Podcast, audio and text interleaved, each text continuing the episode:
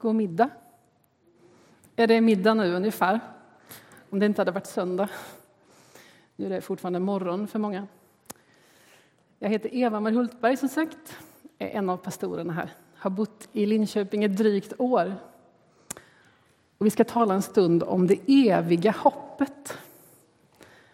Vad är det egentligen vi hoppas på? Alldeles innan vi packade ihop vårt flyttlass i Malmö förra sommaren så hade jag varit med om den våren en av de svåraste sakerna i mitt liv. Jag var med och följde en ung kille hans sista dagar i livet. Det var en 22-årig kille i vår församling i Malmö som fick cancer och han kämpade mot den länge. Vi trodde ett tag att det skulle gå vägen och sen helt plötsligt tar allting fart på ett fruktansvärt sätt igen. Och jag är med de där sista dagarna på sjukhuset tillsammans med många av hans vänner och vänner till familjen och så. Och så kommer den där natten när han drar sitt sista andetag, Mikael. Och det är givetvis vedervärdigt, absurt, vidrigt, fruktansvärt på alla sätt som går. Och vi står där med många frågor och många varför och stor smärta. Och så finns det nästan ingen gång som det där med evigheten har varit så fruktansvärt påtagligt nära som i det rummet vid Mikaels säng.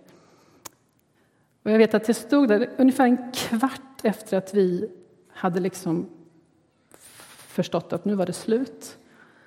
Och bara så där, Mikael är liksom sin första halvtimme hos Gud. Nu finns det ju ingen tid hos Gud. Men hos oss fanns det ju det. Det här är liksom den första. Vad gör han? Springer han omkring och försöker nyorientera sig? Eller vad är det första? Liksom? Eller är det, var är Jesus? Jag måste få se honom. Och så medan vi står där och bara allt är helt liksom så får Mikael möta Jesus ansikte mot ansikte. Hur blir det att möta honom? Hur blir den där tillvaron, det eviga livet? Vi ska försöka säga någonting om det. Hur ser det här hoppet ut? Finns det skäl att längta till evigheten? När jag var sex år, eller liksom på våren innan jag skulle börja lekis, hette det på den tiden, typ det som nu är förskoleklass, så såg jag så mycket fram emot lekis tydligen. Det minns jag inte egentligen, men jag minns vad jag väldigt ofta bad om kvällarna. Kära Jesus, kom inte tillbaka innan jag har fått gå lekis. Så lekis för mig var tydligen mer himlen än den bild av himlen som har blivit uppmålad för mig. Jag fick gå lekis och lite till. Men vad är det vi tror väntar oss? Finns det skäl att längta och vänta egentligen och ha sitt hopp till det där eviga livet hos Gud? Eller vad är det för bilder vi har? Tror vi kanske att det mest liknar en evighetslång gudstjänst? Där man liksom aldrig ens kommer fram till kyrkkaffet, den är bara en evighet lång med körsång och strängaspel. Eller vad är det vi tror? Om vi inte riktigt längtar dit. Vi har hållit på nu de här sju söndagarna med vår rubrik Maten är klar och vi har snurrat runt kring det där bordet som återkommer i bibeltexterna. Vi har talat om Guds rike som en måltid, som en fest, hur Jesus ständigt äter med människor eh, och hur han låter sig associeras med människor genom att dela deras måltidsgemenskap. När vi inledde serien så sa vi att människan i början av historien helt går bort sig genom att äta fel frukt. Genom att äta det som Gud har bett dem låta bli. Och så får vi också veta att precis som det liksom börjar med att äta, kan man säga, det är där det går fel, så ska en dag allt rättas till. Och vi ska få fira en bröllopsfest, står det. Då ska det här som vi liksom, det här eländet vi åt oss till en gång för alla utplånas. Det ska upprättas, återställas. Kanske kan vi säga att Gud liksom en gång för alla en dag ska ropa maten är klar, kom in och ät. när han kallar oss till sig. Så ska vi få uppleva återseendets glädje i hans eviga rike. Och löftet är egentligen enkelt sagt tvådelat. Dels blir vi lovade att det finns liv bortom graven. Jesus säger i Johannes 11 och 25. Jag är uppståndelsen och livet. Den som tror på mig ska leva om han än dör. Och så finns dels löftet om att Gud en dag ska sätta ett så här slutstreck för ondskan. Och det längtar vi efter, eller hur? Allt som har gått fel och allt som går fel i den här tillvaron, det ska han göra om till någonting helt nytt. Och nu blir det en massa bibelläsning. Jag bara hoppas att bilderna ligger rätt, för det är så många. För Jesus säger till exempel så här i Johannes 14, vers 1-7. Känn ingen oro. Tro på Gud och tro på mig. I min faders hus finns många rum. Skulle jag annars säga att jag går bort för att bereda plats för er? Om jag nu går bort och bereder plats för er så ska jag komma tillbaka och hämta er till mig för att också ni ska vara där jag är. Och vägen dit jag går, den känner ni. Thomas, en lärjunge, sa Herre, vi vet inte vart du går. Hur kan vi då känna vägen? Jesus svarade, jag är vägen, sanningen och livet. Ingen kommer till Fadern utom genom mig. Om ni har lärt känna mig ska ni också lära känna min fader. Ni känner honom redan nu och ni har sett honom eftersom de har sett Jesus. Och Jesus, eller det berättas också om Jesus när han firar den här sista måltiden som har blivit förlagan till vår nattvard i Matteus 26. Medan de åt tog Jesus ett bröd och efter att ha läst tackbönen bröt han det, gav åt sina lärjungar och sa Tag och ät, detta är min kropp. Och han tog en bägare och efter att ha tackat Gud gav han den åt dem och sa Drick av den alla, detta är mitt blod, förbundsblodet som blir utgjutet för många till syndernas förlåtelse. Jag säger er, nu kommer jag inte att dricka av det som vinstocken ger förrän den dag då jag dricker det nya vinet med er i min faders rike. Så Jesus har gått före. Han håller på att göra i ordning och han väntar på att få bjuda in till det här slutgiltiga bordet. Då ska vi få fira tillsammans igen.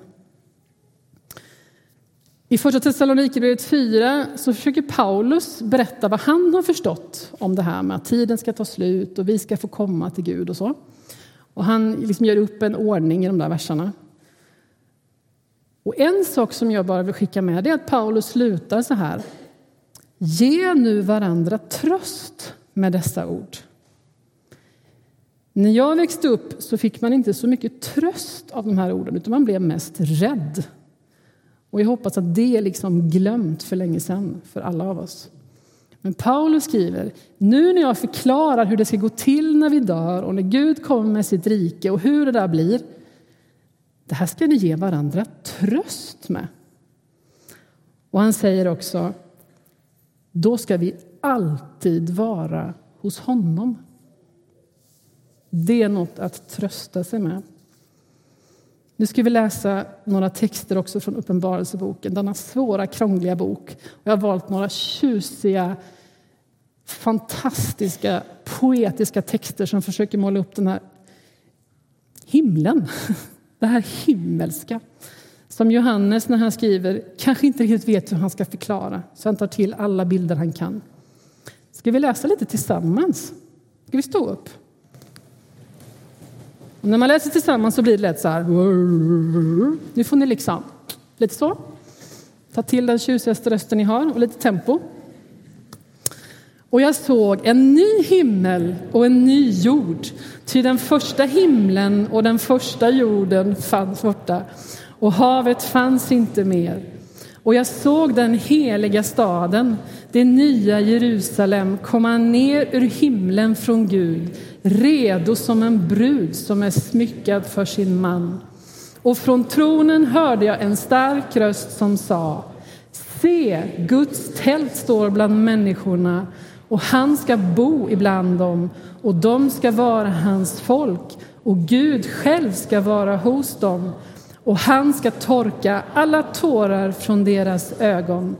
Döden skall inte finnas mer och ingen sorg och ingen klagan och ingen smärta ska finnas mer, ty det som en gång var är borta. Och han som satt på tronen sa, se, jag gör allting nytt. Och han sa, skriv, ty dessa ord är trovärdiga och sanna. Och han sa till mig, det har skett. Jag är A och O, början och slutet. Jag ska låta den som törstar dricka fritt ur källan med livets vatten.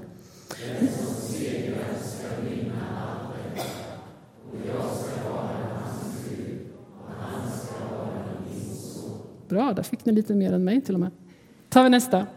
Något, något tempel såg jag inte i staden, ty Herren Gud, allhärskaren, är dess tempel, han och lammet. Och staden behövde varken sol eller måne för att få ljus, ty Guds härlighet lyser över den och lammet är dess lampa och folken ska leva i detta ljus. Och han visade mig en flod med livets vatten, klar som kristall, som rann från Guds och Lammets tron. Mitt på den stora gatan, med floden på ömse sidor, stod livets träd som bär frukt tolv gånger om året och ger sin skörd varje månad och trädets blad är läkemedel för folken. Och ingen förbannelse ska finnas mer. Guds och Lammets tron skall stå i staden och hans tjänare skall tjäna honom. De ska se hans ansikte och de ska bära hans namn på sin panna och det ska inte mer bli natt och ingen behöver längre ljus från någon lampa eller solens ljus Ty Herren Gud ska lysa över dem och de ska vara kungar i evigheters evighet. Varsågod och sitt och tack för hjälpen. Jag kommer inte kommentera vartenda kommatecken i den här texten, så ni behöver inte vara oroliga. Men vad är det som det står? Några saker som jag tänker att det står, som jag läser. Det verkar som att Gud ska börja om från början. Allt som har blivit trasigt, dödligt, skadligt och nedbrutet. Allt det ska Gud resa upp igen.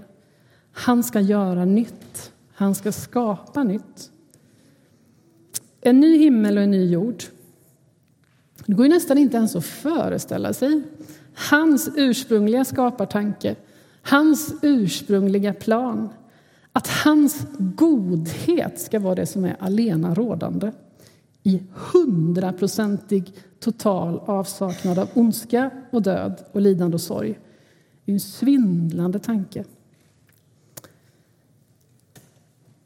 Det står att det ska inte finnas någon klagan. Inget jämmer, inga suckar. Tänk dig en dag utan att ha något att klaga på. Det kanske skulle bli alldeles tyst på vissa håll. Jag konstaterade häromdagen att 2017 går till historien som ett värdelöst väderår. Först var det ingen vinter, sen var det ingen vår, sen var det ingen sommar och sen började det regna när det blev höst. Och när jag sa det till någon häromdagen och att det inte finns någon klagan i himlen så sa den personen, ja då finns det väl inget väder i himlen då. Det klagar vi gärna på. Kanske är det någon annan slags klagan som menas. Kanske är det jämret, uttrycken för att vi är plågade. Det ska inte finnas mer när Gud skapar en ny värld. Det ska vara utan allt det där som vi plågas av. Och jag tänker att det där räcker nästan för fantasin. Börja tänka i den världen. Det finns ingen klagan. Det hörs inget jämmer. Det finns ingen som är det minsta plågad. Ge varandra tröst med de orden. Det står i de här texterna att det ska inte finnas någon smärta mer. All slags smärta, fysisk smärta, psykisk smärta, den ska vara utraderad för all framtid. Allt det där lidandet som i vår tillvaro egentligen är så självklar så vi inte ens kan tänka bort det. Alla de här tecknen och uttrycken för ondskan, för orättvisor, misär, grymhet och sjukdom. Det ska för alltid upphöra. Ingen tvingas längre att fly från sina hem och leva i misär. Inga barn lider, inga barn svälter. Det finns ingen som förlorar sina föräldrar i någon som helst katastrof. Ingen oro, ingen rädsla, ingen ångest, ingen misshandel, inga grymheter, inget våld, ingen hunger eller hemlöshet. Ingen som fryser, inte en enda som svälter ens lite grann. Ingen som plågas eller måste gömma sig eller som har ont eller bryts ner. Ingen smärta. Och jag tänker att den är så närvarande i vår tillvaro och för många av oss i våra egna liv så det går inte ens att tänka bort den. Ge varandra tröst med dessa ord. Det står att det inte ska finnas någon sorg när man för tillfället inte är i sorg så är det nästan svårt att föreställa sig sorg. När man är mitt i sorgen är den helt outhärdlig. Den rymmer smärta, ångest kanske, vanmakt, tvivel, vrede vissa dagar, uppgivenhet andra dagar. Den rymmer ensamhet förmodligen, den kan leda till orkeslöshet och meningslöshet. Att man sörjer betyder att något, eller främst någon, har tagits ifrån en och att det är omöjligt att påverka och att återkalla. En dag, säger Bibeln, så gör Gud allting nytt. Han upprättar sitt rike slutgiltigt och från den dagen finns det ingen sorg. Och jag tänker, alla ni som sörjer, tänk om det gick att trolla bort sorgen och få allt återställt här och nu. En dag blir det så. Och då återvänder sorgen aldrig. Vi kan ge varandra tröst med de orden.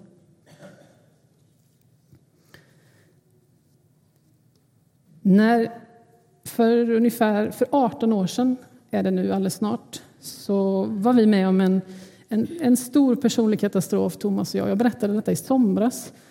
Och det är väldigt sällan jag berättar det, så att det blir så här nu två gånger på samma år är jätteovanligt. Men vi förlorade ett barn. Eh, sent i graviditeten, så vi hade inte fått träffa honom så mycket. Eh, och vi fick löftet efter det om att få dubbelfalt igen och det har vi fått. Vi har två fantastiska tjejer. Men när vi förlorade den här pojken som vi kallade Adam, som betyder människa, så gick vårt liv ganska mycket i krasch. Eh, så så långt vet jag vad sorg är. Och vi bodde i en lägenhet på den tiden mitt i Malmö i kyrkhuset och det fanns stort, stort, stort vardagsrumsfönster som vette ut mot Pildammsparken. Och vi bodde ett par trappor upp. Och jag minns hur jag stod vid det där fönstret och liksom bara så här tittade över liksom trädtopparna i parken och tänkte att någonstans där borta ligger den där evigheten. Och där finns vår pojk. Och jag bara stod, om döden bara inte fanns. Om döden bara inte fanns. Om döden bara inte fanns, om han bara levde. Jag skulle göra vad som helst om döden bara inte fanns.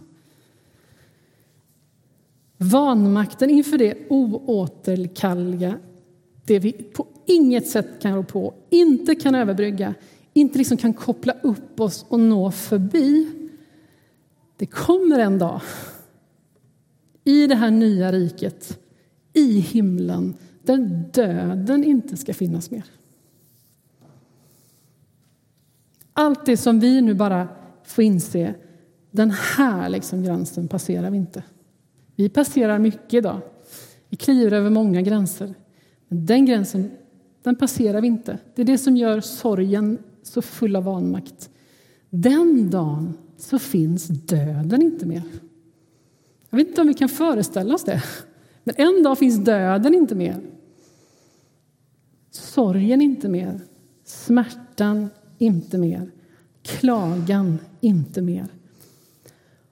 Och som att allt det här underbara liksom inte räckte så står det vi ska vara med honom. Vi ska vara med honom. Så här läste vi att Guds tält ska stå bland människorna. Alltså ska bo hos oss. Vi ska finnas mitt i hans närvaro. Inte där Guds närvaro som vi slänger oss med när det kändes lite mysigt under en lovsång, utan Guds närvaro som i han är liksom här. Vi ser honom. Vi ska sjunga lovsång och vi ska tillbe honom och ha honom liksom rakt framför näsan. Jag tänker att det behövs inga lovsångsteam och inga lovsångsledare. Vi behöver ingen hjälp, för vi ser honom. Och den dagen får alla vi ledigt. Han ska lysa som solen, så det behövs ingen sol. Om du någon gång har liksom längtat efter Gud, varit lite avundsjuk på lärjungarna, velat vara Maria vid Jesu fötter och tänkt att det vore så lätt om jag bara fick se honom. Den dagen ska vi se honom. Öga mot öga, ansikte mot ansikte ska vi få säga det där stora tacket som vi ibland längtar efter. Den dagen kommer den stunden och den varar för evigt. Han ska bo, bo mitt ibland människorna och han ska torka alla tårar. Och givetvis kan det inte finnas någon klagan längre. Det ska ju vara med honom. Ge nu varandra tröst med dessa ord. Och egentligen skulle man bara kort kunna säga att ja, men den dagen, det som väntar oss, det är 100 procent frid och fred. Frid och fred som betyder nu är allting precis som det ska vara.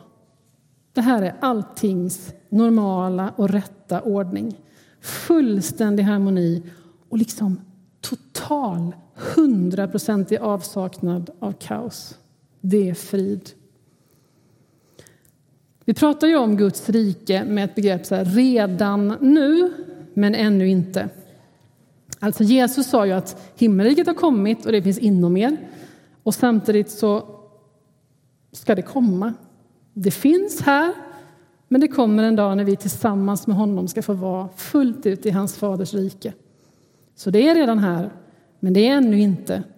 Gud ska skapa en helt ny himmel och ny jord. Han ska göra allting nytt. Då får vi lära om, tänker den där frasen som vi slänger oss med nu. Redan nu, men ännu inte. Det får bytas till nu. Nu och för alltid, helt och hållet. Utan klagan, utan smärta, utan sorg och utan död. Ge varandra tröst med dessa ord. Förra söndagen så predikade ju Fredrik, vår föreståndare och pastor, om bordet som nämns i psalm 23. Han talade om den gode herden, Gud själv som letar upp gröna ängar åt sina får. Alltså en bild för hur Gud ser till att vi får en plats att vara på tillsammans med honom där vi kan livnära oss till och med när det känns som att liksom fienden och rovdjuren och allt det här som hotar oss är precis bakom knuten. Han talar också om att eller hur det står i psalm 23 att Gud dukar upp det där bordet i våra fienders åsyn. Men vi har liksom skydd hos honom.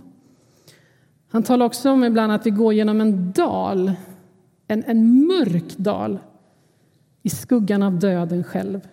Och hur vi ibland i vissa lägen måste klamra oss fast vid det där bordet som Gud har dukat. När Guds rike bryter fram slutgiltigt en dag, när allt upprättas, då kommer vi behöva skriva om psalm 23 ganska mycket. Hur vi nu ska klara oss utan den. Herren är min herde, ingenting ska fattas mig. Ja, halva den meningen kommer vi inte förstå. Det är inget som fattas. Det finns ju ingen klagan. Det får bli Herren är min herde, jag har för alltid allt jag behöver.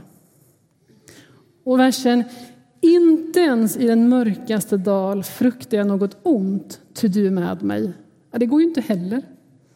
finns ju ingen död, finns ju ingen dödsskugga, finns ingen mörk dal. Så vi får nöja oss med du är med mig. Eller du dukar för mig ett bord i mina fienders åsyn. Ja, det finns ju inga fiender längre. Det finns ju inga hot. Det finns ju inget elände som lurar. Så vi får nöja oss med du dukar för mig ett bord. Och jag vet inte om vi kan föreställa oss den här världen. Jag försöker bara liksom vrida och vända så att vi ska få syn på det lite. Det är det här som Jesus har lovat att förbereda, förbereda för oss. Han håller på och gör i ordning alla de här rummen. Han håller på att duka det här festbordet. Och han väntar med att fira den här måltiden tills vi också är där. Tills vi alla är samlade hos honom.